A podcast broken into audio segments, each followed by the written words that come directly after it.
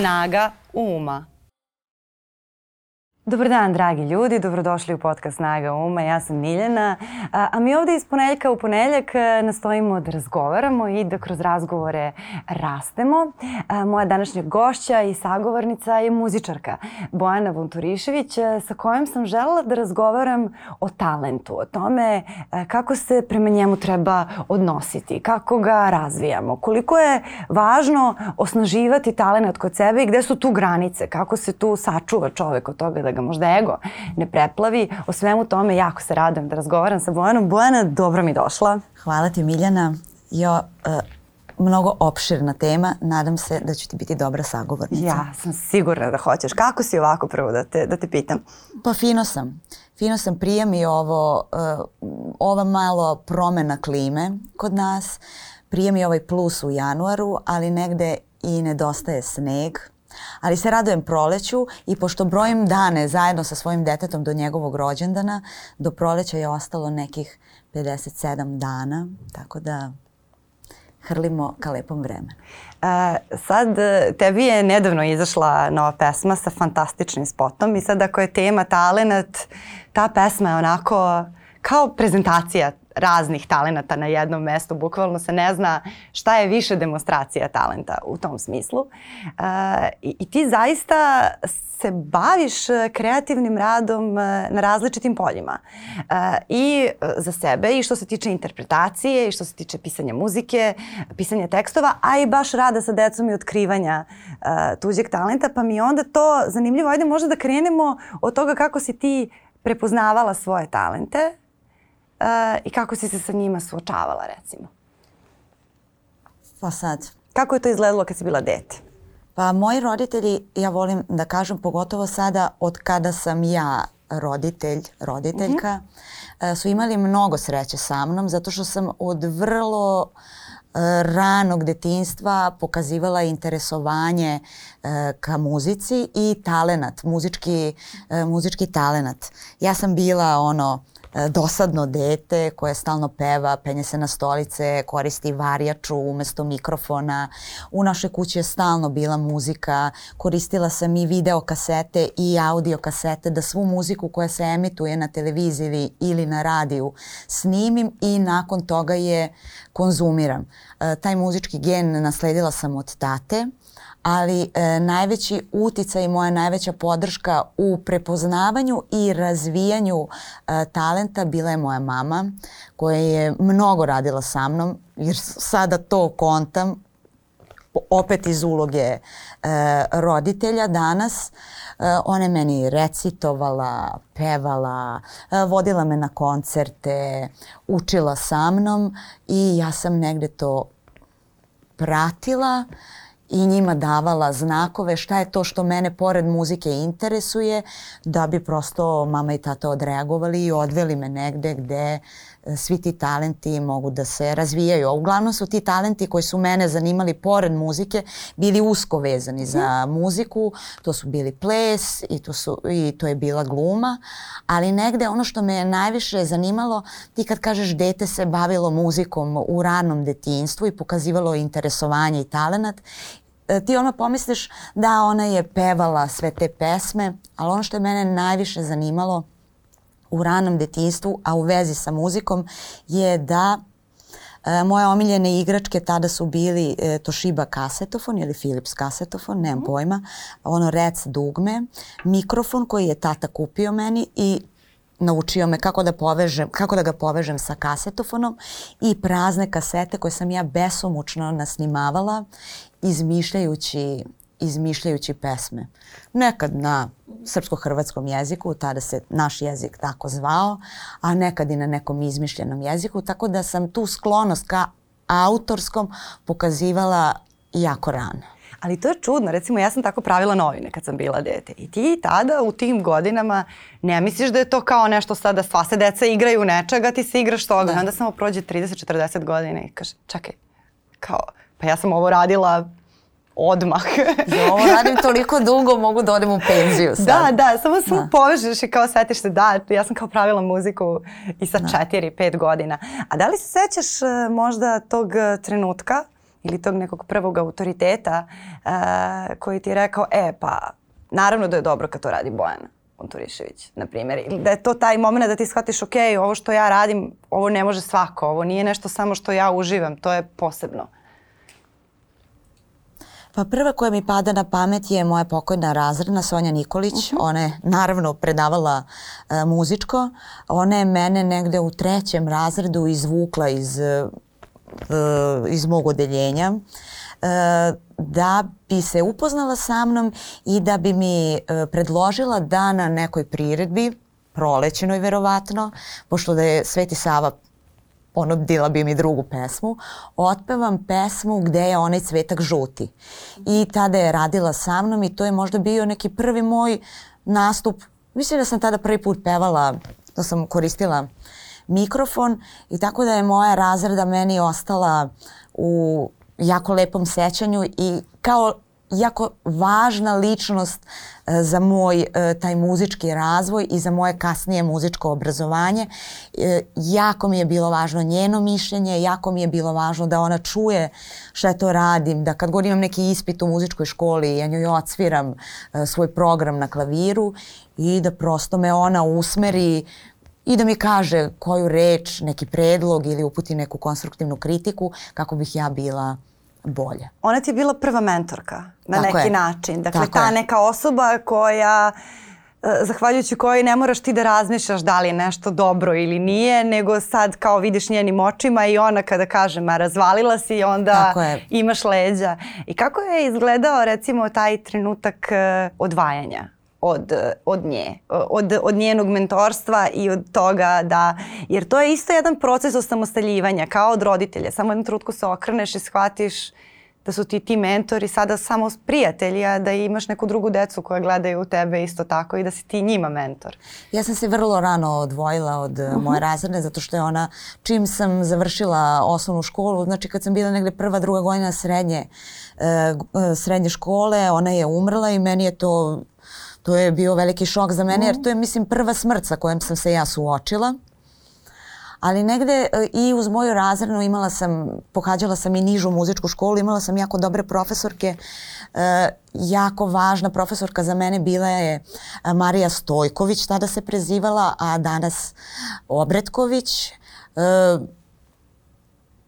fantastična pedagoškinja, profesorka klavira, izuzetan čovek, jako topla osoba. Mislim kada, e, kada se bilo ko školuje za neku umetničku delatnost, da se tako izrazim, to su jako pipave stvari, u to nije uključena samo neka logika, inteligencija, mozak, nego su uključene i emocije, pogotovo u muzici i mislim da je jako važno da osoba sa kojom radiš bude topla, puna ljubavi, smirena i da te ona ne uči tu samo nekoj tehnici, nego te uči prosto da osjećaš stvari, jer muziku moraš prvenstveno da osjećaš. Tu je uključena i dinamika, i tempo, brzo, lagano, tiho, glasno, sve suprotnosti, ali da prosto je važno da detetu nekako da dete to i kroz telo oseti. I nikad neću zaboraviti kad sam se spremala za prijemni ispit za fakultet muzičke umetnosti, moja profesorka Tanja Bosić me je odvela kod profesorke Milanke, kako se preziva sad, to je sad velika sramota što ne mogu da se setim. Da, kako se, se preziva i ja sam svirala kao komad, izabrala sam Čajkovskog i njegov komad koji se zove Oktobar I sad su tu neke triole, neke ono oktave u basu. I ja sam sad to svirala kako sam osjećala muziku i ona mene u jednom trenutku odvoji od klavira i kaže ajde sada da mi teško hodaš po sobi. Kao što ova žena traži od mene. I ja kao krenem teško da hodam i da zamišljam tu melodiju koja, koja se svira. I kao, e tako treba da je sviraš, kao težak hod. Iako sam imala Ima sam, imala sam puno sreće da profesorke koje su bile moje mentorke, koje su me učile, da su i na taj neki slikovit način i kroz pokret i kroz uh, slikarstvo i kroz književnost umele meni da približe muziku i ne samo muziku nego i druge umetničke grane. Sad dok te slušam kako govoriš, e, e, ja se nisam muzički obrazovala, niti, niti imam kontakta sa tom vrstom kreativnosti, ali potpuno je identično meni to sve bilo za pisanje. I ključni je bio taj trenutak kada sam naučila da tekstove osjećam, da tu svoju kreativnost pustim do kraja jer si ti u Grču, ja mislim. Mislim, ajde, makar ja sam bila, znaš, kao mlada, mlada sam i onda nisam ja baš sigurna koliko ja tu daleko treba da, da idem i onda ti mnogo znači taj neki mentor ili mentorka koja će kaže, pusti ruku, pusti dušu, daj, da. da. daj šta imaš, to što imaš je super. Da. Uh, I sad ne znam da li je kod tebe isto taj moment bio ili si ti bila u fazonu sve te spremna sam. Ja sam uvek, ja sam i sad u Grču, a pogotovo kad stvaram. Uh -huh. Jesam, u Grču sam i jako mi je važno da imam dobrog sagovornika. Često mi se dešava da sebe ne čujem. Pogotovo kad pišem tekstove. E, tog procesa se jako bojim u taj neki svoj talenat. Baš ne verujem e, sebi do kraja i ne verujem da ga baš nešto i posjedujem, iako me i stvarnost demantuje, ali još uvek nisam sigurna u sebe da ja to umem da radim, tako da mi je uvek važno da imam nekog preko puta ko sedi, e, ovo, ovo što si rekla, ovo je dobro, piši to, uh -huh. uh, to iskoristi. To je, to je, to je jedna možda i lepa doza strahopoštovanja prema tom nekom, pa jeste. tome nečemu ja što se radi. Ja osjećam strahopoštovanje i prema pisanju tekstova i prema pisanju uh, muzike uvek se plašim da sledeći put neću umeti da, da napišem pesmu, da je to sad tako, a sledeći put verovatno su se zvezde poklopile pa kao uspela sam. Ali Ali to je recimo sad zanimljivo jako, sve ovo što si rekla uh, podrazumeva jedan veoma fin i nežan pristup uh, mladim kreativnim dušama stvari, e, koji zaista ljudi koji su dobri pedagozi umeju da, da primene i umeju da prepoznaju. I nekim mladim ljudima je potrebno možda da ne nastupaju odmah Da. Nego da se osete slobodno, ako ih odmah gurneš, oni će da se blokiraju ili da se uplaše i možda će da im se smuči nešto u čemu bi kasnije bili divni. A, a s druge strane a, e, imamo a, e, tu pojavu kod roditelja da nekad roditelji imaju potrebu da njihova deca nešto rade, čak i veću i jaču i da su oni a, u, u tom smislu prosto ambiciozni kao tipovi ličnosti, a da su deca a, potpuno drugačija, emotivno. I sad me zanima kako ti sada kao neko ko ima dosta iskustva i sa roditeljima i sa decom tu balansiraš, da li tu nekada roditelji čine medveđu uslugu kad urgiraju kao izbaci moje dete da peva solo ili da nešto ili moje dete hoće? Meni se samo jednom desilo da jedna mama in, nije insistirala, ali je samo predložila da se njeno dete u spotu koji smo snimali za moj hor uh mhm. -huh. vidi malo više. Uh, mene to mnogo me iznerviralo. Ja više, mnogo više volim da radim sa decom nego sa roditeljima i mislim da su deca kada se roditelji sklone uh, mnogo bolji ljudi, uh, zreliji ljudi, vredniji ljudi, saradljiviji ljudi. Čim se roditelj pojavi, dete odmah ne postane dete, nego postane beba.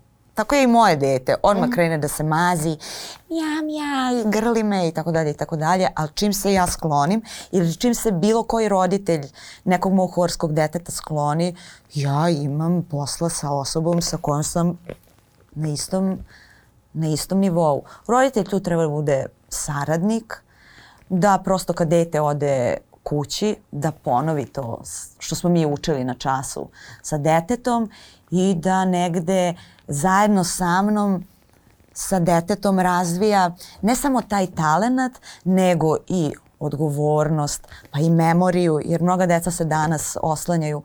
A pa nisi rekla mami da imamo domaći, ja nisam zapamtio, znači svašta Aha. možemo zajedno da radimo, ne, a ne samo na razvitku tog talenta.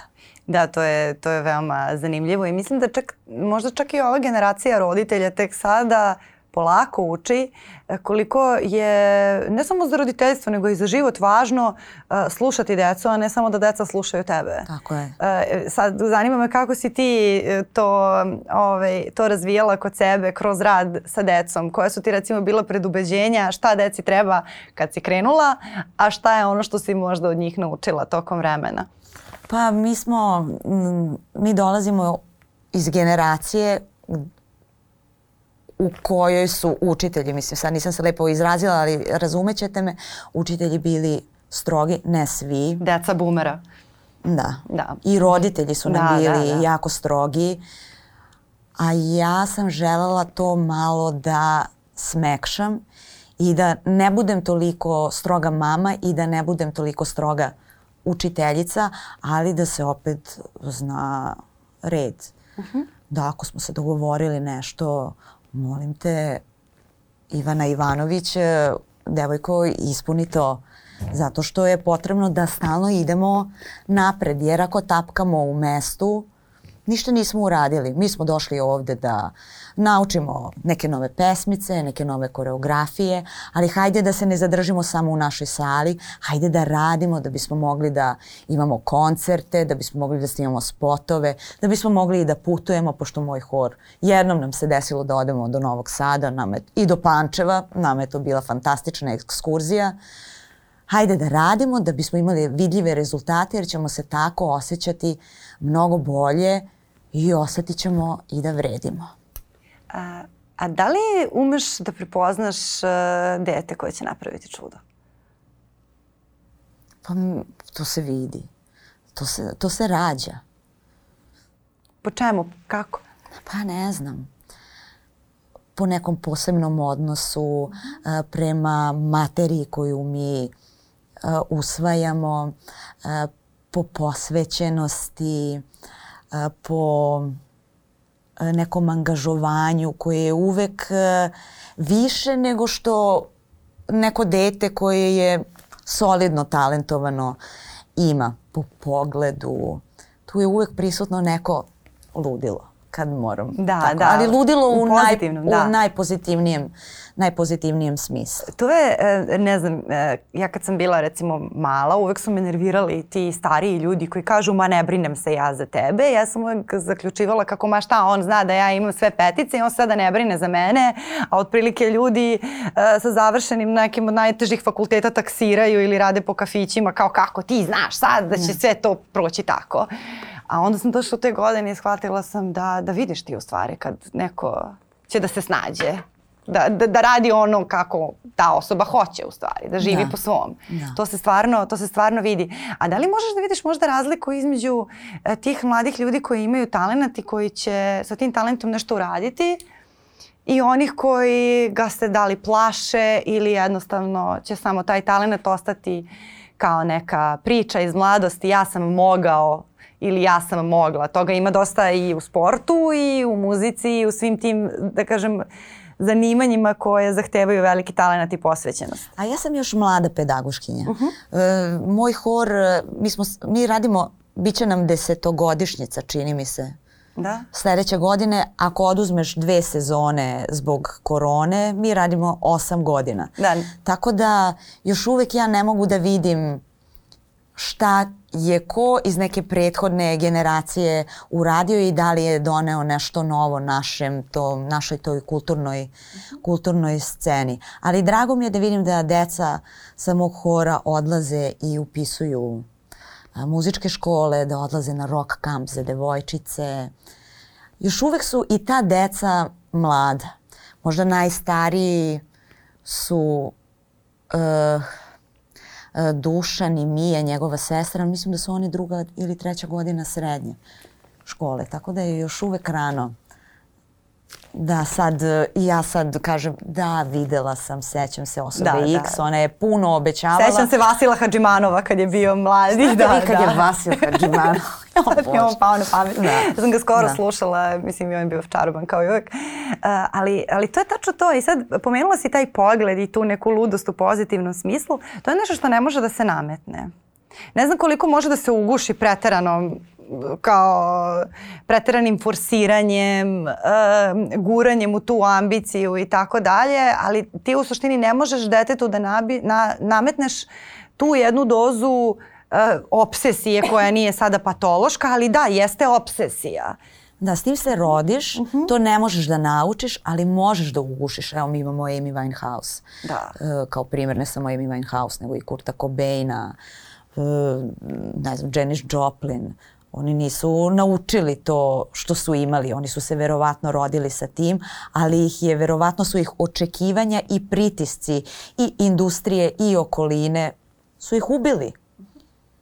Tako da, Jeste. da, ne znam, to je i dar, ali je i prokledstvo. Zavisi e, koji ti je sklop ličnosti i kakvu pozadinu imaš. Mislim, na roditelje, pretke. Da, ko su ti ljudi u tvom uglu koji te održavaju e, u tom nekom stanju u kom treba da budeš? Pa mene moja porodica. Da. Moja porodica i moji prijatelji, ja sam odrasla i vaspitana sam da budem e, skromna, prizemna, pričale smo da, da. u automobilu dok smo se vozile do studija. E, to je nekad plus, a nekad i minus. Plus je zato što ostajem na zemlji, znam ko sam i koliko vredim, pitanje za ovo drugo, ali ne može neki uspeh da me da me pomeri i da me skloni sa koloseka, ali umem nekad i da pocenim sebe, to jest ta skromnost moja i prizemnost e, da mi ne dozvole da procenim negde svoju vrednost. Ne znam sad što, da, to, ali to, to je često i u tom poslovnom smislu, taj, taj moment kad uh, recimo nešto što ti stvoriš pravi ogroman novac, a ti nemaš uh, refleksno, da kažem, razvijenu tu naviku da kažeš da, moj, ne znam, procenat bi bio toliki ili ok, ja sam sada pisala muziku pre dve godine za tu cenu, ta je cena sada 20 puta veća i to je ok. I da, da se ja noćeš čudno. Da, da. Ja sam u, užasan poslovođa, mislim, meni ne treba davati ništa da ja tu određujem vrednost nečega, sva sreća pa imam agenta, da. ali naš posao je mnogo mnogo nezgodan. Ja nisam električar da odem, aha, neko mi je iskočio osigurač, odem do prodavnice, kupim osigurač, e, imam svoj alat, znam koliko sam ga platila, ruke ćemo da naplatimo možda soma dva više. Ne, ja se bavim muzikom i bavim, bavim se umetnošću. Mm. I ja ne znam koliko vredi moja reč ili jedna moja nota. Ne postoji i nikad nije postojao cenovnik za to. Da, da, i nije svaka nota ista. I nije je. svaka pesma ista. Neka Tako pesma je. će da eksplodira, neka pesma će onako da bude samo okej. Okay. I nikada ni ne znaš čudno. E, da. šta će pesma da ti donese. Za neku pesmu za koju si po, u, u, položio sve svoje nade, mislio ovo će da razvali. Samo ako puf, flopne, a za, ne, za neku pesmu za koju nisi očekivao, koju ne voliš, na primjer meni moja pesma Suzana, sa prethodnog albuma. Ja nešto nisam ljubiteljka te pesme i jedva čekam da napravim još jedno dva, tri albuma da ja samo sklonim sa svoje set liste.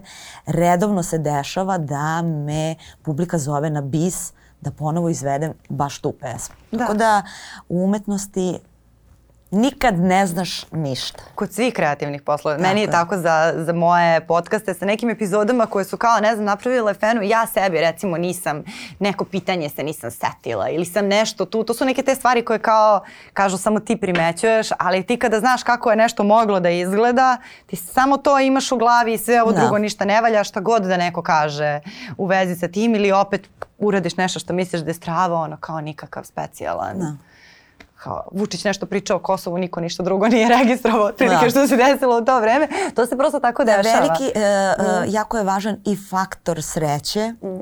u umetnosti. To je nešto na što mi ne možemo da utičemo. To možda znaju astrolozi, mada ja njima ništa ne verujem. Ali to je, to je mnogo zanimljiv fenomen recimo, zato što kao definicija mentalnog zdravlja je sposobnost uh, registrovanja realnosti i adekvatno reagovanje na nju. Znači mm -hmm. sposobnost da ti pojmiš realnost. I to je u kreativnom poslu veoma komplikovano, malte ne nemoguće. Jer ti sad kao treba da kažeš ok, ja sam dobra autorka ili do, dobra muzičarka, umetnica, šta god.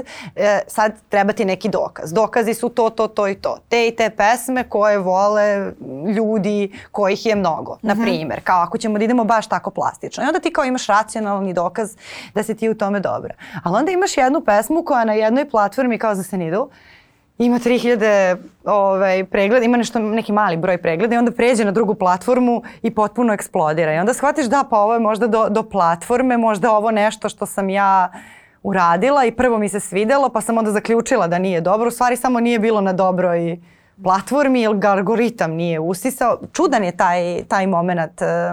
Ne, mislim, ne znam kako, kako se ti nosiš sa tim i kako ti razmišljaš o tom kvalitetu sada u ovom vremenu koje je drugačije.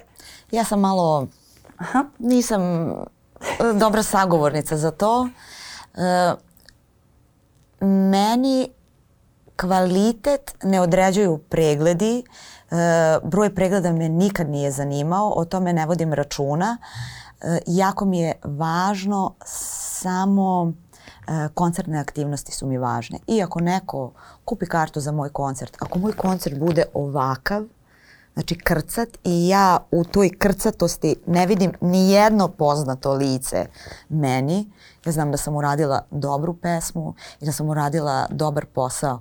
Džaba meni uh, milion pregleda na pesmi Mani koje je onako bila prilično šokantna jer ja ništa tako nisam radila u svom da, da. pređašnjem da. radu, nikada nisam imala taj spot, a, e, e, tak, takvu vrstu spota ako meni na koncertu ljudi ne reaguju na tu, ne reaguju na tu pesmu. Znači, pregledi i govore, ali i ne govore. Znači, neki miks je. Da, ali živimo u tom vremenu u kom a, pregledi, koliko god da govore i ne govore o kvalitetu, oni ti definišu uspeh. Da. više manje. Od toga, od toga zavisi uspeh, pre svega taj komercijalni od kog se, pa, zavisi, od kog se živi. Da. Zavisi Ili ne. Šta, je, šta je za nekoga uspeh. Uh, mnogi izvođači koji imaju velike preglede do skora su samo imali to, nisu imali nastupe. Sad se to promenilo pa oni nastupaju uglavnom i po dijaspori, ali ranije ono, ne mogu da se setim tačno ko, ima ne znam ja, tako je, Rasta. Na primjer, Rasta na početku svoje karijere, Rasta je malte ne jedna, jedan od prvih YouTube zvezda. Sad kako sam ovo rekla, fantastično. I postoji dokumentarac koji je radio Ivan Stojiković koji se zove Neka raste. Ivan je to radio uh, uh, ispit dokumentarni film treća godina FDU-a o rasti. Niko nije znao ko je Rasta, a internet je vrveo od Raste. Klinci su ga obožavali, pregledi na YouTube-u su na dnevnom nivou samo kucali. Tad je bio samo Facebook, on je imao ne znam ja koliko Facebook profila koje je morao da vodi, a nije imao ni jedan nastup. Nikoga nije zvao, nije znao gde, se, gde on može da napravi taj nastup, a bio je ogromna zvezda samo u tom nekom internet. Na internet, oblaku. Da, da, na, da. na oblaku. Međutim, to se danas, to se danas promenilo. To je zanimljiv... To je fenomen. Da, da, to je baš fenomen. I to je fenomen našeg, našeg doba. Mislim, sve neke, recimo, nove generacije na to više neće smatrati fenomenom ni na koji način, jer su oni od malena u tom svetu koji gleda na brojke. Oblaku. Da, da, oni su, da, od malena i, i ja sada ne znam da li se sada rađaju e, i rastu neki mladi ljudi koji imaju taj, ne znam, osjećaj za broj lajkova, za što ne bi bilo čudno za broj pregleda, da ti razvijaš neku vrstu osjećaja kao što mi imamo neku, kad, kao što smo mi imali neke druge osjećaje. Nama je to potpuno strano, mislim, ne znam koliko sam ja imala, imala 20 i nešto godina kad je, kada smo dobili Facebook, pre toga nije bilo ničega od toga. A, bio je MySpace. Verovatno si mlađa od mene. Ne, imala sam ja MySpace, da. ali mi MySpace nije bio relevantan, da kažem. Nije bio nešto kao sad, nije bio tako... Uh, nije ti definisao život MySpace. Tek je kao sa Facebookom, makar se meni su se društvene mreže stvarno, u, u, u, ovaj, ja sam 87. Tako da ja sam... Peto. Da, da, eto. A, to je velika razlika između da. nas ovaj, ali, ali moguće da, će, da je to nešto što će sada tim nekim novim mladim ljudima biti potpuno normalno. Moje dete koje ima šest i po godina, uh mhm. -huh. on govori koliko ko ima subscribera, koliko ko ima lajkova, voleo bi da ima onu YouTube plaketu koju dobijaš kad uh, imaš 100.000 subscribera, pa onda milion subscribera i kad god dođe kod nas u studio, on se oduševi zato što Basivite ima i tu zlatnu plaketu i srebrnu ili već koje su to boje, nemam pojma. Oni će uskoro postati suvlasnici YouTuber, šta Tako sve je, on imaju. hoće da bude YouTuber. Kad god, ako ja nešto scrollujem uh, na telefonu i on dođe i vidi krajičkom svog oka i to mu se dopadne, mama, ide obavezno like.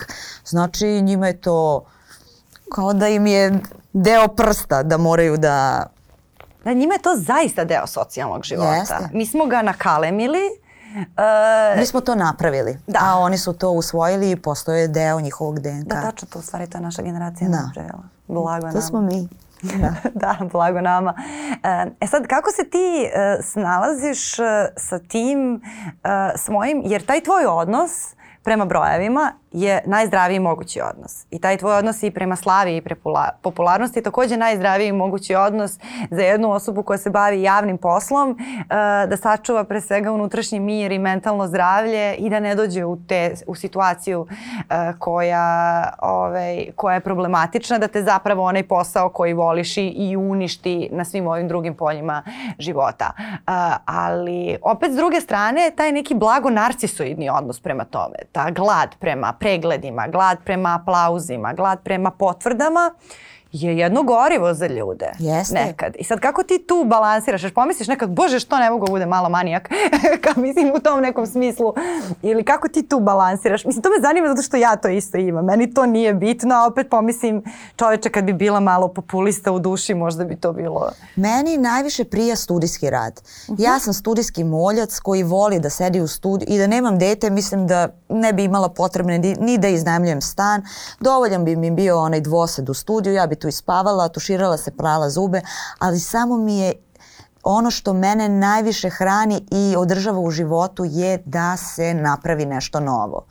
Da li ću to izvoditi ja, da li će to izvoditi Senida ili će izvoditi Marko Janković, meni je potpuno nebitno, samo mi je važno da se napravi neka nova pesma i da je ja volim. Da li ćeš je ti voleti ili naš kolega ili 100.000 ljudi ili troje čovek, troje ljudi, troje čoveka, jo bože, meni je potpuno nebitno, samo mi je ono najsebičniji, on, najsebičniji motiv, samo da se meni svidi i da ja budem ponosna i da slušam to na repeat 24 kroz 7, a već kad dođe ona osmica, idemo na neku novu pesmu. I onda dođu koncertne aktivnosti jer jel da napravili smo album, živeli smo u studiju i ja tada mrzim sebe, ceo svet, svoj posao jer moram da idem da nastupam. I poželim da radim na trafici, da prodajem cigarete i novine, pa onda govorim sebi pa upravo je moja mama, ja treba da idem u školu i da predajem muzičko imala bi dva meseca odmor, imala bi letnji, zimski raspust, a ne ovo sada moram da čekam deset uveče da bi nastupala i to se odrazi, ja imam i fizičke manifestacije te treme. To je zapravo jedna velika trema, jedna velika odgovornost. A zašto je trema, a ne ja mrzim svoj posao, je trenutak kada ja kročim na stage i kada otpevam prvu reč pesme, ja sam riba u vodi, da, meni je ovde mesto i kada čujem prvi aplauz, bukvalno prodišem i setim se da je meni to zapravo bilo i potrebno. Tako da imam i ja malo tog narcisoidnog u sebi. A nije to narcisoidno. Mislim, nije to ta vrsta o kojoj sam pričala negativna, ali meni ti sad kad pričaš recimo o tim somatskim, mm -hmm. meni to zvuči kao bukvalno nervoza pred ispit. Da. Jer ti je frka, frka, frka kao da je taj nastup neki ispit mm -hmm. i sad ti si izašla, oni su se oduševili i sad ćemo lako. Sad mogu da, sad mogu da uživam, sad, sad mogu da radim svoj posao. Ja sam ispit sam položila da. i mislim ne znam da li, da li je to nešto što, što, što, ima, što ti ima smisla. Ali kao ta ne, taj neki, to neko u stvari strahopoštovanje opet prema, da. prema muzici, a ne da. prema sobstvenom liku i delu. Ne znam, ja se posle koncerta, pre koncerta se osjećam najgore na svetu, posle koncerta se osjećam najlepše na svetu. Ne mogu da zaspim, obavezno tu noć. naredna dva dana ja samo listam kako je bilo, gledam, analiziram, ajde idemo opet, pa mozgam šta bismo mogli da poboljšamo, šta bismo mogli da izbacimo i onda već treći dan me to pusti kao, ali vidimo šta ćemo šta ćemo sad, šta ćemo novo. A spolja gledano, uh, verovatno, naročito ljudi koji se bave muzikom uh, i kojima je potpuni san da, da imaju i hitove poput tvojih i prosto tak, takvu jednu karijeru veoma zanimljivu i bogatu sa različitih stvari, mm. zato što ti ne radiš samo tu jednu mm. stvar, nego to je jedna eklektik, eklektika muzičkih uh, ovaj, različitih delatnosti mm -hmm. koje su sve predivne. Uh, čovjek bi pomislio kako njoj se ide od ruke, kako je to fenomenalno. Oh. Zašto ja ne mogu tako kao Bojana uh, da, us, da se na svakom polju osjećam sigurno, jer to je realno. Ja, ja verujem da, da postoje ljudi koji se u svojim tim um, momentima nesigurnosti pitaju što ja ne mogu kao Bojana. Da. Kao što se ja verovatno pitam što ja ne mogu kao XY osoba. Uvek mm -hmm. postoji neka osoba kojoj zavidimo, pod znacima navodnika. Uvek postoji osoba za koju mislimo da je bolja od nas, ali dobro je da postoje takve osobe, jer takve osobe ne treba da nas zakucavaju, nego treba da nas inspirišu da mi budemo bolji. Da, taj neki osjećaj kao zašto ja ne mogu da držim sve pod kontrolom. Ti imaš osjećaj ti neki drugi ljudi na koje se ugledaš. Jer to mhm. nije ta ono zavist negativna, uh mhm. -huh. ali kao da, ta osoba drži sve pod kontrolom, a meni sve onda ide. I onda hvala Bogu pa stvarno postoje ovi podcast i onda čuješ neke ljude koji tako pričaju kao ja ne znam da li ću ja moći da napišem. To kad sam tebe čula da ne znaš da li ćeš moći da napišeš novu pesmu. Da, evo ja i sad ja dugo nisam napisala novu pesmu. E, poslednje što sam novo napisala e, bila je muzika za predstavu Devojčice koju sam radila sa Minjom Bogavac da. i pesma Senida koju sam radila sa Radmilom Petrović za Senidu. Od tog trenutka je prošlo, ja mislim, jedno tri meseca i ja sam već u panici. To, ali to je tako... I čak sam i sedela sa Cobijom u studiju pre neki dan i probali smo da napišemo nešto.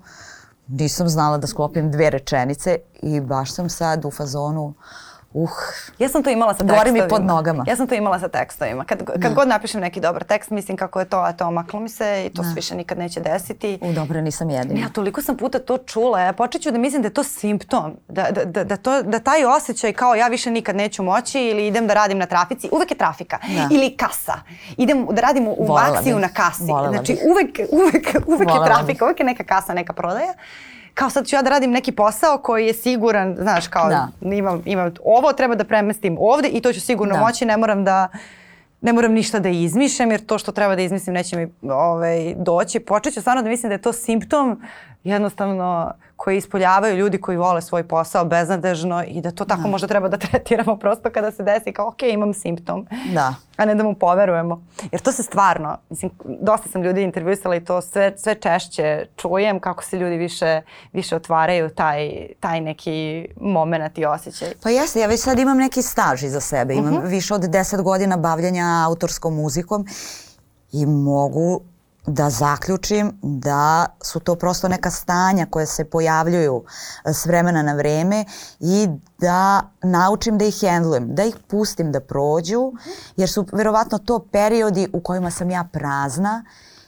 i koje treba da posvetim tome da se napunim, da se odmorim, pročitam neku dobru knjigu, pogledam neki dobar film, uh, Pa čak ne mora i to, nego prosto samo da se pustim, da se dam ljudima, svojim prijateljima, svoje porodici i da će se iz tog odnosa desiti nešto, da ću čuti neku dobru rečenicu koja će me trigerovati i inspirisati da napišem nešto novo. Tu ti u stvari fali, fali, fali ti impresija. Tako je, fali mi impresija. Da, tačno to. To je tačno to. Miljana, i treba se družiti. Pa kako, da. evo, već, se, već smo počele. Da. A, ali to je tačno to, fali ti impresija. Sad da ćeš ti ideš da se uh, voziš e, toboganom ili ćeš uh, da Da li ću da odem na more, da li da. ću da heklam, da gledam seriju, uh, da pričam sa nepoznatom osobom koja radi na pijaci, da se vidim sa drugaricom sa kojom se dugo nisam videla. Uh, desit će se u trenutku kada najmanje očekujem. Da, jer ne može iz kolotečine. U stvari ti kada, stva, kada, kada nešto stvaraš i kada nešto izmišljaš, moraš od nekle da ga, da ga izmisliš, uh -huh. jer u mhm. suprotnom ćeš vrteti uh mhm. -huh. stalno. Ići ćeš na reciklažu starih fora, yes. a kada voliš to što radiš, to je strašno frustrirajuće, jer ti znaš kad šmiraš. I, onda, I onda je to tačno ta, to fali, fali inspiracija. Pa nadam se da smo malo, eh, da smo malo približile. Mislim da su ovo neke neke stvari uh, kroz koje prolaze mnogi ljudi koji se bave različitim vrstama kreativnog mm -hmm. rada. Znači to ne mora samo da bude za ljude koji se bave muzikom ili, ili pisanjem. To sigurno važi i za grafičke dizajnere tako koji je. upadnu u trip da neće više nikad ništa moći da nacrtaju ili tako nešto. To se stvarno dešava, dešava jako često. A, izdržite legende. Izdržite legende, tu ste kao crtajte bilo šta i onda da. će se pojaviti ono nešto ili, ili gledajte, idite na neku izložbu, nahranite, nahranite dušu u stvari. To je taj moment. A kako ti recimo sada koristiš e, te neke svoje stvari koje tipa prebacuješ sebi to sad kao da li ne znam koliko vredim ili tako u e, komunikaciji sa decom. Imaš li taj moment, e ja sam se tu okliznula, nemoj ti. E, kako te, ta dva iskustva spajaš? Svoje e, kreativno sazrevanje sa ovim nekim kreativnim sazrevanjima koje pomažeš? Pa tu uglavnom mhm. sarađujem uh -huh. sa roditeljima jer deca moje uglavnom kad imaju neke krize u vezi su im sa nastupom, imaju veliku tremu ili sa muzičkom školom koju, je, koju u jednom trenutku hoće da napuste i tu uskačem ja sa svojim iskustvom jer sam ja želela da mm, da napustim muzičku školu, da se ne bavim muzikom, da upišem e, filološki, tako sam razne tripove imala. Stvarno? Da. Kako je to izgledalo? Pa to je izgledalo, e, prva moja kriza bila je u trećem razredu niže muzičke škole. Ja sam znači tada bila neki peti ili šesti razred osnovne i tu je mama moja uletela koja je bila, moja mama je za mene negde najveći autoritet uh mhm. -huh. i ona mi nije mi dozvolila. To su prosto roditelji te generacije, oni drugačije nisu znali. Rekla je, ako si nešto počela da radiš, to ćeš i završiti do kraja. Uh mhm. -huh. To je bila prva kriza. Druga kriza je bila treći razred e, muzičke gimnazije izgleda da ja imam problem sa brojem 3 i onda su tu i mama i tata uskočili. Bežala sam iz škole, prosto nije me to više... Sve drugo mi je bilo interesantnije. Postalo ti dosadno? Postalo mi je dosadno, ali vrlo interesantno je bilo to što ja sam bežala iz škole u kojoj sam imala sve petice. Tako da su morali malo da mama da namesti njene obrve i da spusti glas, da iz prvog alta pređe u drugi alt i opet treća godina fakulteta gde je moja mama meni pružila najveću podršku. Ja sam u tom trenutku razvila neki abnormalno veliki strah prema zgradi fakulteta muzičke umetnosti. Nisam smela da uđem i tu je mene mama bukvalno uzela pod ruku i kao ajmo zajedno, idemo ispit po ispit, hajde da se upoznamo sa Antonijom koja je čuvena naša šefica studentskog referata i nas tri smo zajedno, one su me najviše bodrile i tako sam ja te moje krize, broj tri, tri krize na broju tri prebrodila. A kad si hladne glave uh, i kada nisi u toj fazi hoću sad da radim na kasi, uh, razmišljaš li kako bi tvoj život izgledao da ti roditelji nisu bili takvi? Nego su rekli nećeš, ne moraš. Pa ne znam. Ne znam, jer ja stvarno muziku volim bukvalno skoro od prenatalnog perioda i mislim da bih bila uh, s obzirom na to da sam odrasla u Kostolcu, verovat, verovatno bih upisala elektrotehničku školu i verovatno mm. bih se mm. zaposlila u EPS-u, a to je jedna velika kolotečina, ono posao od 7 do 3 e, koji rade uglavnom ljudi koji ne vole taj posao. Tako da sam zahvalna svojim roditeljima na, i na strogosti i na nekad uskraćivanju slobode e, i na upornosti. Ja sam bukvalno upornost naučila od svojih roditelja. Ali danas ja ipak ne bih tako, mislim ne bih bila takav roditelj. Možda je sad i ovo pogrešno što ja radim što sam mnogo blaža, mnogo blaža od njih, ali ipak znate ono tiha voda breg roni, tako da hajde da vidimo da li zaista lepa reč gvozdena vrata otvara. I sad kako privodimo ovaj razgovor kraju, uh, htela sam možda da se osvrnemo uh, na taj moment igre. Mm -hmm. uh, u, u kreativnim poslovima je i u poslu koji podrazumeva rabljenje talenta. Mm -hmm. Da li možda ta igra nekad postane preteška? Da li možda teško balansirati između uh, jer tebi posao zahteva da radiš, mm -hmm. a opet ljubav očekuje da se ti stalno igraš i da stalno budeš egzaltirana dok se igraš i onda kao nekad pomisliš dobro ovo više ne funkcioniše, daj da samo radim, da premeštam nešto ko na traci. Kako je to kod tebe uh, izgledalo? Kad je igra, a kad je šljaka? Igra je, igra je u kreativnom procesu uh -huh. i igra je sve i kreativni proces je sve, a šljaka je bukvalno sada ova moja faza u kojoj se nalazim, kad mi je album u fazi miksa i bukvalno sutradan treba da dobijem pesme, da ih preslušam, čekiram da li je uh, sve dobro i kad je šljaka to je toliko mučno da sam ja u stanju da odlažem. Da odlažem i da odlažem jer sve to što je tehničko, sve što, što najbolja sam uh, kada trenutak iz mene iz, iznedri pesmu, uh -huh. tada moja izvedba može nekad puna falšpa, falša, ali prepuna emocija i to su mi to su ti moji demo snimci koji će mi ostati zauvek najdraži jer su nastali iz igre i onda dođe šljaka kad ja moram da uđem u gluvu sobu i da prizovem tu emociju i da je odglumim, a u tome baš nisam nisam baš dobra. Tako da tu nastaje, e, tu stupa na scenu disciplina koju i dalje učim sa svojih 38 godina, ali Da, i u tim situacijama kada ti kao ta šljaka, mislim mm -hmm. to, to znam i po sebi, uđeš u tu fazu kao kad ti je ta šljaka preteška i poželiš taj neki drugi posao gde ti je sve predodređeno, to tipa apps, Mm -hmm. I onda pomislim da, ali onda bi mi život bio samo šljaka. Tako I to je. čak šljaka koju ne volim. Tako je. I šljaka koju mi neko drugi nameće. Tako A ovo je šljaka koju sam izabrala i, i koja je privilegija I koju sam sama izmislila. Ali mm -hmm. ja sam mhm. specifična jer uh, muzika, moja muzika podrazumeva širok spektar delatnosti. Tako kada je šljaka u studiju, ja se igram sa mojom decom e, na horu, kada je šljaka sa decom, priprema koncerta, ja se igram sa Minjom i pravim predstavu i uvek imam uvek pravim neki balans da mi ne bi bilo frustrirajuće. Hvala ti mnogo na ovom razgovoru. Već je prošlo. Jeste, da. da. Ove, ovaj, ali se nadam da ćemo imati priliku ponovo da, da razgovaramo, da ćemo imati priliku i ponovo da te ugostim. E, I radujem se i nekom nastupu da, da, da uživam, mogu ti reći. Eto, a nadam se da smo malo onako zagrebale tu temu osjećanja u kreativnom poslu. Jer to je prilično onako važno, to nam je veći deo i, i dana i života, Tako nekad je. nam to definiše život. Tako je. Hvala ti na lepim pitanjima, hvala na pozivu, a ja sad idem da se igram da bi došla ponovo da mi bude lepo.